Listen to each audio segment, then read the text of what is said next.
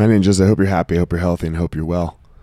Um, so I opened the Daily Stoic today.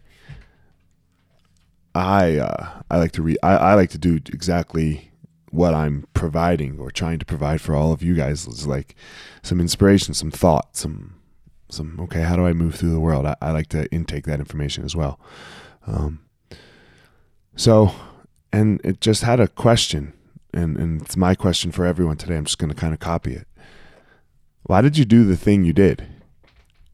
And when we're talking about the thing that we did as a good thing for somebody else, you helped them, you uh, you bought them a gift, you uh, you received a gift, but you you left a good tip, you opened the door, you whatever that really nice, almost meaningless gesture is that you did.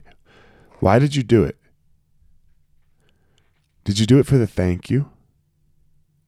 And are you going to get upset when you don't get it? Because this is just a never ending cycle. It's one of my it is it is a huge pet peeve of mine. Um, you go to a kid like I go to a kid's birthday party or my kids go to a kid's birthday party. Sorry. I don't go to kids' birthday parties. and uh and they give the kid a gift.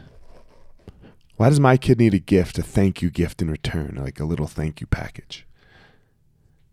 This this is part of our problem. We're like, you know, it's your birthday.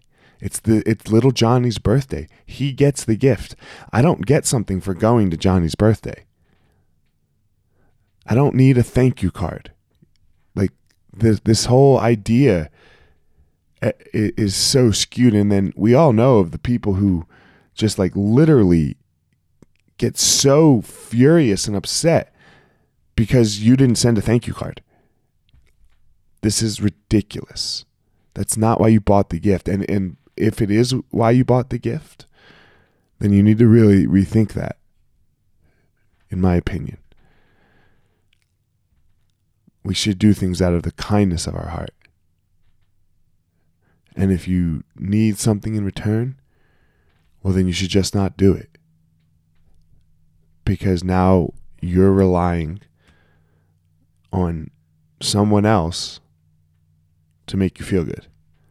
And we all know that that is the opposite of what we try to do.